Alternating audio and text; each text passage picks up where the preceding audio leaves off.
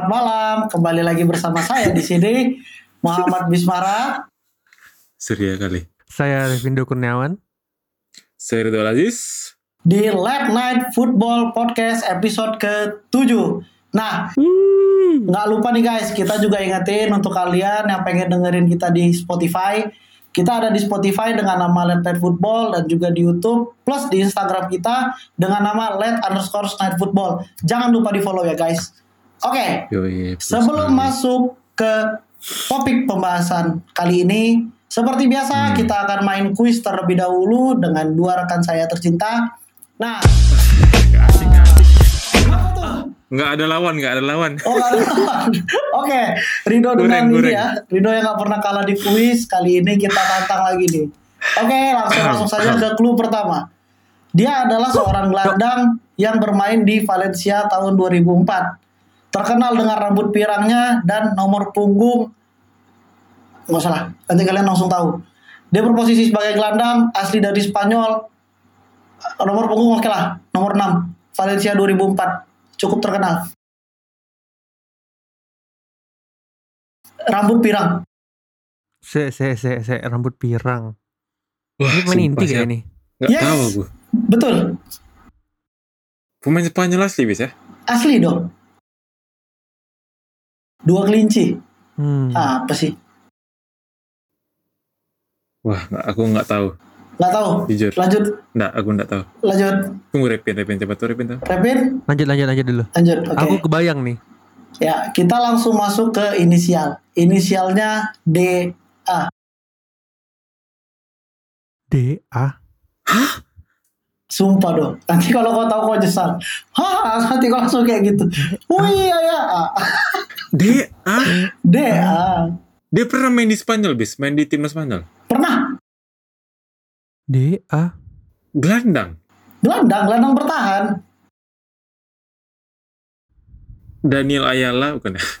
Itu back. Ke dulu kan ada pokoknya gelandang Valencia tuh terkenal dia berdua. Yang satu Ruben Baraja, yang satu ini nih. Waduh, tua kali cu. Kan dia 2004. tuh Masa, masa-masa. Valencia lagi oke. D, ah, Oh. Aku mau coba bis. Ah, silakan Vin. aduh, Siapa tuh? aku. Siapa? Siapa tuh Vin? David Albeda bukan? Anjing. Aduh. Betul. Kali ini, Wah, kali ini apa apa? Pur pur pur pur pur. Next Betul kan dong? Pas kau Pasti, udah pasti. tahu kan? Itulah. Iya, Belda. Iya, iya, belum belum deh ya. Ya. Maaf, maaf. Aku Oke. sengaja. Kuis kali orang ini. ngira skill aku tuh rendah.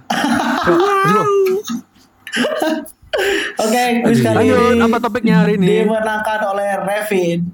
Oke, masuk ke topik pembahasan di episode kali eh, di episode 7 kali ini. Eh, Hmm. nggak lupa sekarang kita lagi ada di international break International yaitu break ya, betul, ya betul. lagi di international break eh yang di mana cukup banyak laga kualifikasi Hmm. Piala Dunia selama dua minggu ke depan. Nah, eh mungkin di sini sedikit kita flashback ke Euro kemarin. Di Euro Hmm. 2020 kan kita tahu di sana Italia keluar sebagai juara. Nah, namun Yep. ada satu tim yang cukup mengejutkan. Mengejutkannya bukan karena Denmark, dia- Denmark nih, Denmark bukan. bukan bukan bukan. Oh, bukan. Mengejutkannya bukan karena dia bikin kejutan, tapi dia mengejutkan bukan karena dia bikin prestasi, namun justru karena dia tidak mendapatkan prestasi di Euro kemarin, yaitu Hmm. Les Blues Prancis. Nah, Prancis ya. di kualifikasi Piala Dunia kemarin, mereka juga mendapatkan hasil seri yang kelima secara beruntun di bawah tangan Didier Deschamps. Yaitu terakhir mereka mendapatkan hasil imbang Oke, oke dong, oke, oke. Eh, terus, yang, yang di mana mereka mendapatkan hasil imbang satu satu dengan Ukraina. Nah, Hmm. menurut pendapat Rido, apa yang terjadi dengan Les Tunggu dulu. Blues Langsung saat ini? nembak ya. Iya langsung lah. Oh. Hmm, kalau Gimana aku ya, Hmm. sebenarnya dari awal penunjukan Deschamps ini walaupun juara Piala Dunia, terlepas dari Hmm. juara Piala Dunia, aku kurang apa ya suka sih sama Deschamps ini. Kenapa gitu? Dikarenakan Alasannya? Walaupun emang dia secara secara personal kayak emang dia dekat sama pemain-pemainnya ya, hmm, bisa membangun lah. Cuma secara strategi ini pelatih ini agak kasar sih, agak tolol sih kalau gue bilang. Dia tuh emang murni mengandalkan emangnya pemainnya berkualitas ya udah terserah mau ngapain gitu. Terbukti lah lawan waktu aku nonton soalnya waktu lawan Swiss Hmm. itu kayak babak kedua tuh seingat aku Griezmann diganti di mana itu butuh gitu seorang Griezmann sebenarnya tapi diganti. Karena udah waktu laga penting gantiin pemain penting ya pas extra time ya kok mau ngapain lagi? Nggak bisa apa-apa. Jadi emang dari awal pertunjukan Desam sih emang feeling aku bakal ada jatuhnya sih. Kalau apalagi ketika ketika Prancis ini disuruh megang bola. Soalnya kalau kita lihat cara main Prancis ini ball positionnya itu kayak kurang sih. Aku sempat Ah, baca setuju, ini aku udah Ah. rangkum nih dia apa ya. Rata-rata ball position Prancis itu cuma 52% waktu Euro ke 8 untuk tim juara dunia cuma nomor 8 di Euro kemarin Ditambah dengan Terbukti adanya gelandang-gelandang yang berkualitas yang dia milikin ya. ya makanya Hmm. itu emang murni ini sih taktikal kosong tapi ya kualitasnya aja yang bagus semuanya atau Repin Hmm. gimana menurutnya Nah kalau Repin gimana nih Pin? Menurut kau? Kalau kalau aku lebih nyorotin ini sih, lebih nyorotin ke Perancis ini.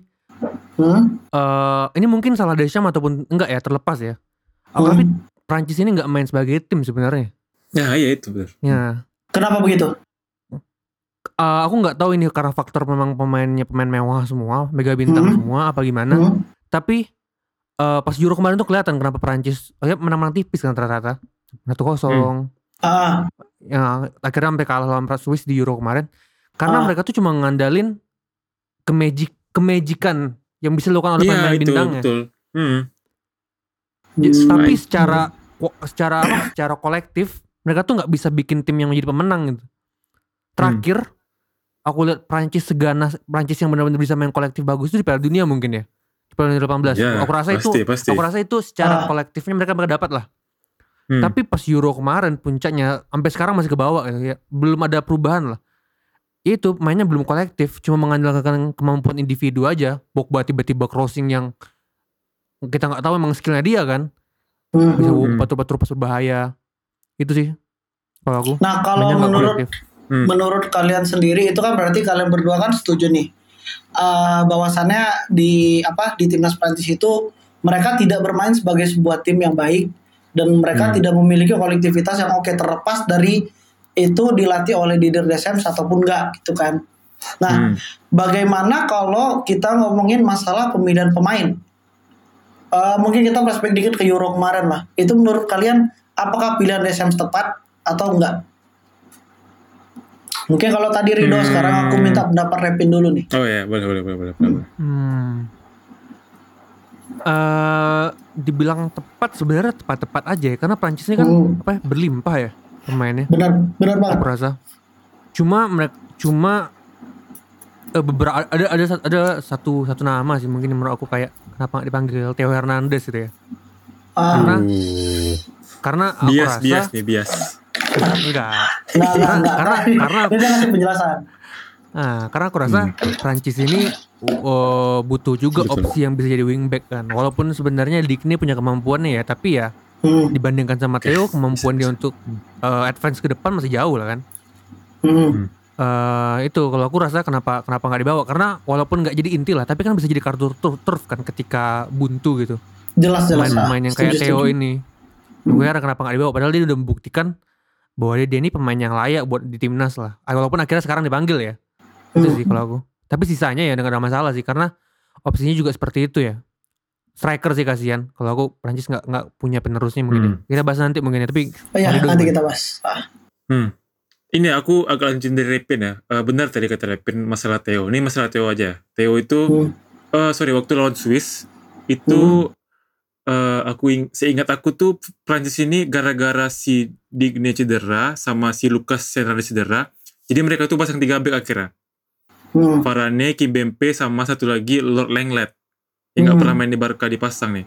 Nah Hmm. itu membuktikan kalau memang Iya makanya Maksudnya si Digne ini kan punya riwayat cedera ya Tapi tetap Hmm. dibawa gitu loh Sementara yang dibawa cuma dua back Nah Theo tuh nggak ada Itu satu Terus Ya bentar lagi, bentar lagi ya kita ya Maksudnya Prancis ini kan emang Dianugerahi dengan squad yang melimpah lah Bahkan bisa bikin tiga tim yang sama kuatnya gitu Hmm. Jadi bilang bener nggak bener sih tergantung itu ya skema pelatih. Nah masalahnya itu tadi yang gue bilang nih si skemanya Desem ini kita nggak tahu apa. Emang murni sama kualitas pemain aja. Banyak sebenarnya kan pemain-pemain kayak Kamavinga terus. Awar ya Ndombele banyak lah maksudnya ya Hmm. kok bisa sebutkan siapa aja banyak gitu Dayo Ya. Upamecano. hmm banyak Hmm. kali nah cuma aku mungkin agak tadi aku lupa bahas ya bis sebenarnya juga Hmm. kenapa Prancis jelek itu pas Euro itu ternyata faktor di luar lapangan itu lebih banyak ya, Ya. daripada di dalam lapangan Itu Hmm. juga ya masalah perseteruan men- keluarga ya. Hmm. itu keluarga satu itu kayak marah-marah nggak jelas tiba-tiba mereka si bab, mamanya siapa Rabiot ya sama Hmm. Pogba sama. Mbappe itu Hmm. satu terus yang Mama, waktu itu mama, mama. sampai ini sampai apa sampai bawa ke eh, apa si Mbappe sama Giroud Mbappe yang si Giroud. Mbappe oh, kayak iya iya pokoknya- iya iya. Ah itu kan Ah, si Giroud tahu. kayak ngomong apa terus Mbappe balas langsung gitu pokoknya Hmm. ego-ego gitu lah sama Itu ya itu berarti si apa masalah F1 dapur. F1 sama Ah. go-kart Mbappe sama si eh Benzema sama Giroud banyak sih faktor punch ini gara-gara Ya, mungkin berarti- superstar semua mungkin ya. Hmm. sulit Berarti kayaknya emang Pra- Prancis nih emang sekarang posisinya faktor teknis dan faktor non teknis juga sama Tuh, beratnya ya iya, tuh. yang mereka lagi sulit Nah, kali bis kalau menurut aku. Hmm, hmm, setuju setuju. Meskipun berarti dengan skuad bintang yang mereka miliki yang mereka milikin bahkan seperti yang Rido bilang tadi tiga tim sama kuatnya bisa, Bisa. dibangun. Hmm, oleh eh, timnas Prancis namun sangat disayangkan hmm. mereka memiliki faktor teknis dan faktor non teknis yang cukup banyak sehingga membuat Betul. Prancis saat ini kelihatan kayak tim mediocre bukan seperti Prancis yang Hmm, kita kenal mediocre. gitu kan nah Hmm. tapi masih dengan Prancis masih ngomongin Prancis tadi Repin sempat Hmm. nyenggol sedikit tentang regenerasi striker yang di mana kita tahu Hmm. mereka sampai sekarang masih cukup ngandelin Benzema dan juga Giroud yang kita tahu sendiri umur mereka Hmm. sudah 30 ke, eh, kepala tiga ke atas. Udah tua cok hmm. Jangan Ah. lupa lo pas pas olimpiade bawa jiknek coba. Nah, itu apa, olimpiade. iya iya sumpah Iya, iya pos olimpiade itu itu kayak saking pas pas itu kayak pelatihnya tuh listnya aduh mending jiknek aja lah kayaknya. nggak ada lagi gitu iya benar ada lagi Ah, kayak apa namanya? Otomatis kan kita kan kayak ngelihat olimpiade itu kan jadi apa ya? Itu kan para pemain muda terbaik dari tiap timnas kan dikumpulin di situ iya kan. harusnya kan harus Plus kayak Iya, gitu. iya. membuktikan bakatnya lah Hmm. Benar, ditambah tiga tiga pemain senior. Nah, tapi sampai sesusah itu loh mereka nyari seorang striker muda gitu. Sampai bahkan Jignek yang nggak jadi langganan di senior dipanggil di Olimpiade nih. Itu kan sangat-sangat apa ya nggak masuk akal gitu. Nah, tapi ya cukup menarik sih untuk membahas regenerasi dari striker Prancis Hmm. selanjutnya. The next Benzema dan Giroud. Itu gimana nih menurut kalian berdua? Mungkin boleh dari Rido dulu deh. hmm striker ya Hmm. kalau kita lihat nih Prancis tuh dari dulu tuh selalu punya striker striker yang ngeri loh Hmm. Striker kelas satu. Iya Trezeguet ada Henry terus sekarang Benzema gitu-gitu Mbak- Mbappe Jangan ini lupa dulu nggak bisa dibilang ada striker sih Hmm. Iya boleh lah boleh lah. Walaupun Oke lah. gitu-gitu kali.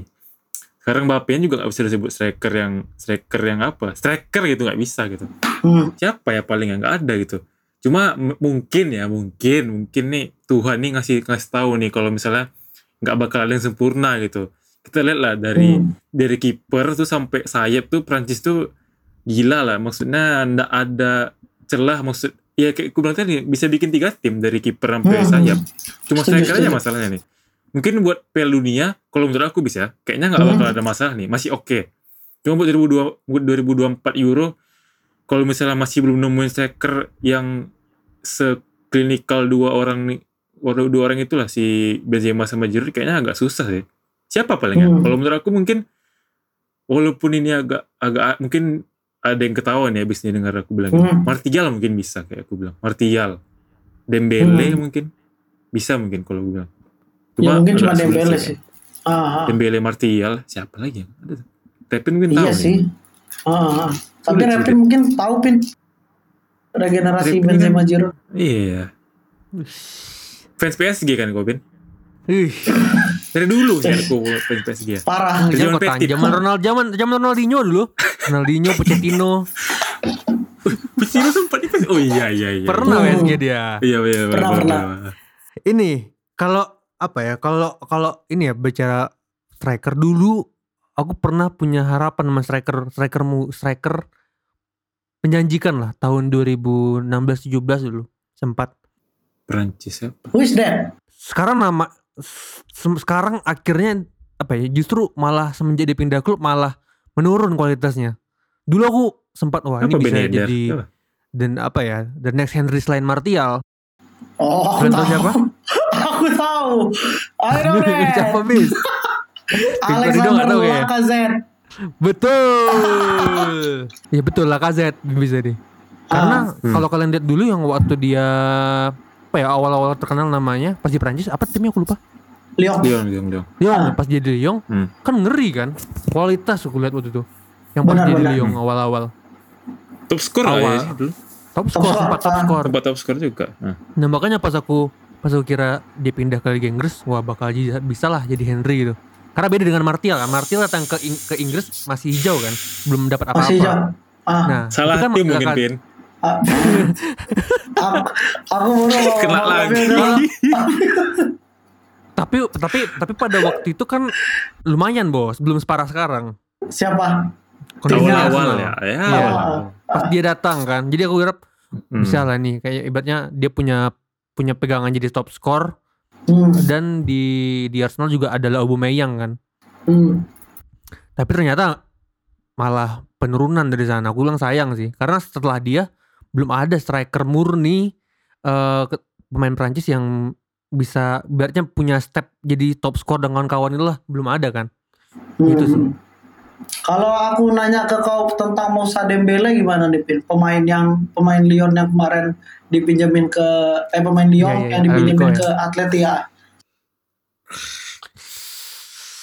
Kurang. Hmm, striker bah sebenarnya striker yang bagus tapi nothing special nggak ada spesial spesialnya Nggak se belum kredibel lah ya untuk gantiin Benzema iya maksudnya maksudnya itu untuk untuk sekali timnas Prancis ya belum lah maksudnya Hmm. untuk Lacazette pas di tahun itu pas di tahun itu kita wah ini pemain mewah gitu kan Bisa Jelas, top jelas. Sayang ya, sayang. iya kan Hmm. maksudnya kalau kita bandingkan dengan Dembele ya belum gitu walaupun dia Jauh walaupun dia lah, cukup jauh. terkenal ya Hmm. belum tapi kan belum lah belum belum sampai ke sana levelnya Bahkan buktinya di ketika dipinjemin di Atleti pun kemarin dia cuma ngisi di bangku cadangan aja kan. iya iya Nah, itu skema buktinya sih, bis lebih ke skema. Iya iya, iya. setuju setuju sih. Nah berarti eh, mungkin kalau aku yang ditanya tentang gimana regenerasi timnas Prancis, kalau aku bilang aku setuju dengan pendapat kalian berdua sampai detik ini belum ada pemain yang cukup eh, kompeten untuk gantiin Benzema dan juga Giroud. Bahkan tadi Rido sempat singgung Mbappe, Mbappe juga bukan seorang striker murni. bukan ya Nah, dipaksa Dia bisa kan dia dipaksa dia Hmm. dipaksa jadi striker murni. Tapi Mbappe itu dia adalah pemain sayap. Dia nggak punya apa dia bukan seorang goal getter. Dan menurut Hmm. aku ya mungkin setuju juga tadi sama pendapat Rido untuk Piala Dunia oke 2022 Benzema Giroud masih ada tapi Masih ya. untuk next ah, Hmm. untuk nextnya Sulit kita masih sulit. belum punya kelia- belum kelihatan nih siapa striker mereka selanjutnya ya semoga mungkin dari Liga Prancis nanti bisa nemuin bakat baru ya yang bisa jadi penerus mereka berdua. Mm-mm. Nah, oke. eh, yang penting yang penting yang penting lu punya catatan buat buat kalian striker striker Prancis kalau mau hijrah ke Inggris jangan Arsenal Ah, jangan berharap jadi the next Henry tidak ada the next Henry kawan-kawan Henry cuma satu dengar itu be yourself. mundur Just yourself. jangan jangan jangan gara-gara wah Arsenal aku bisa jadi the next Henry jangan tidak ada Henry yang lain Henry hanya satu. mungkin Mbappe itu sempat mikir mau ke Arsenal juga tuh nih kayak. Mbappe kenapa nggak mau banyak kontrak tuh mungkin gara-gara mungkin di di apa Mungkin sama iya ya. Arteta mungkin. mungkin panggilan di approach sama Arteta panggilan jadi ya. Henry ya Nomornya 14 juga dia suka. oke Oke. oke Eh, Prancis itu tadi ya pesan dari Rapid untuk striker-striker muda Prancis kalau nanti mungkin mereka nonton. nanti bikin subtitle Prancis doang ini dua ini pakai bahasa Prancis nanti Siapa kali yang mau nonton orang Prancis? nah, eh, mungkin kita masuk ke apa namanya timnas Prancis nih kesimpulannya berarti ini dong tentang regenerasi tentang istilahnya kalau aku minta pendapat kau eh, untuk Piala Dunia 2022 bakal gimana Hmm. langkahnya? Tahun depan. Da- emang masih terlalu dini sih untuk kita menilai tapi ya kalau kita punya pandangan dari jauh hari kan nggak masalah. Hmm. Gimana nih? kalau aku ya selagi masih Hmm. Deschamps nih kayaknya udah kebaca sih ini kayak mana apa namanya pola dia soalnya dia ini emang nggak peduli kok satu tahun tuh main sebagus apa pun kayak CR Hmm. Messi pun kok nggak bakal dipanggil wis yakin kali aku. Kayak Theo setahun eh satu setengah musim bagus 9 buktinya Euro nggak dipanggil juga. Feeling aku sih masih bakalan sama kayaknya ya. buat squadnya paling mungkin feeling aku Upamecano mungkin bakalan dipanggil sih. Mungkin gantiin si Kimpembe atau Varane mungkin. Mungkin ya. Sama satu lagi mungkin nah satu lagi Zoma mungkin dipanggil gak sih Zoma? Zoma dipanggil main kemarin Iya, dipanggil. Ada main bareng. Iya. Itu bis kalau aku paling aku berharap Theo ya, jujurnya berharap Theo sih aku masuk. Cuma nggak tahu nih kalau masalah Deschamps nih mungkin dia nggak percaya sama Theo. Hmm. Betul lah, Deschamps nih nggak jelas sih. Pelatih nggak jelas kalau bilang. Kardus Berarti menurut kau Prancis sama, di bakalan Piala, sama. Piala Dunia nggak bisa berbuat banyak ya? Enggak sih kalau gue bilang kalau masih Deschamps. Tambah lagi Enggak. formasinya aku yakin kali pasti bakalan sama nih. Gak ada yang berubah. Paling satu dua lah. Pasti sama yakin aku. Satu dua itu pun Bagus kalau dia lah kalau cedera. Ah, Nah, top skor pun lah kasih Arsenal tiba-tiba gak bakal dipanggil ya yakin aku. Oke. Sulit. Bung sulit. Rapin. Perancis sulit. Bagaimana dengan pendapat anda, Bu Devin? Kalau aku eh apa ya Prancis ini buat Piala Dunia sebenarnya masih apa ya masih masih masih ada aku nggak bilang punya juara harapan sih. lah. tapi punya harapan buat buat Hmm. sesuatu lah entah itu Hmm. sampai semifinal atau tiga besar Bisa, Hmm. bisa. cuman sayang kan sebenarnya kalau kalian mikir sampai sekarang kayak Iya, sayang gitu, squadnya tim- bagus tim- sekali. sayang sayang yang banget mewah. Ku- kalau kun- kuncinya dari aku sebenarnya adalah Deschamps ini aku aku aku aku Rido kan menyalahkan Deschamps kan. Kalau aku belum belum nggak Hmm. tahu sih ini permasalahannya Salah, di internal Deschamps pemain salah. apa di Deschamps sebenarnya. Hmm. Tapi ya kolektivitas ini kita butuh kolektivitas dari pemain-pemainnya. Gimana ini supaya mereka bisa eh nggak perlu gol lah, build up, gameplay, pembangun apa pola serangan itu tuh lebih lebih lebih jadi tim gitu, nggak ngandalkan kemampuan individu. Oke kita tahu punya gelandang mewah gitu kayak Pogba, Kante yang super lah. Tapi ya kita butuh kita juga butuh alternatif kan. Hmm.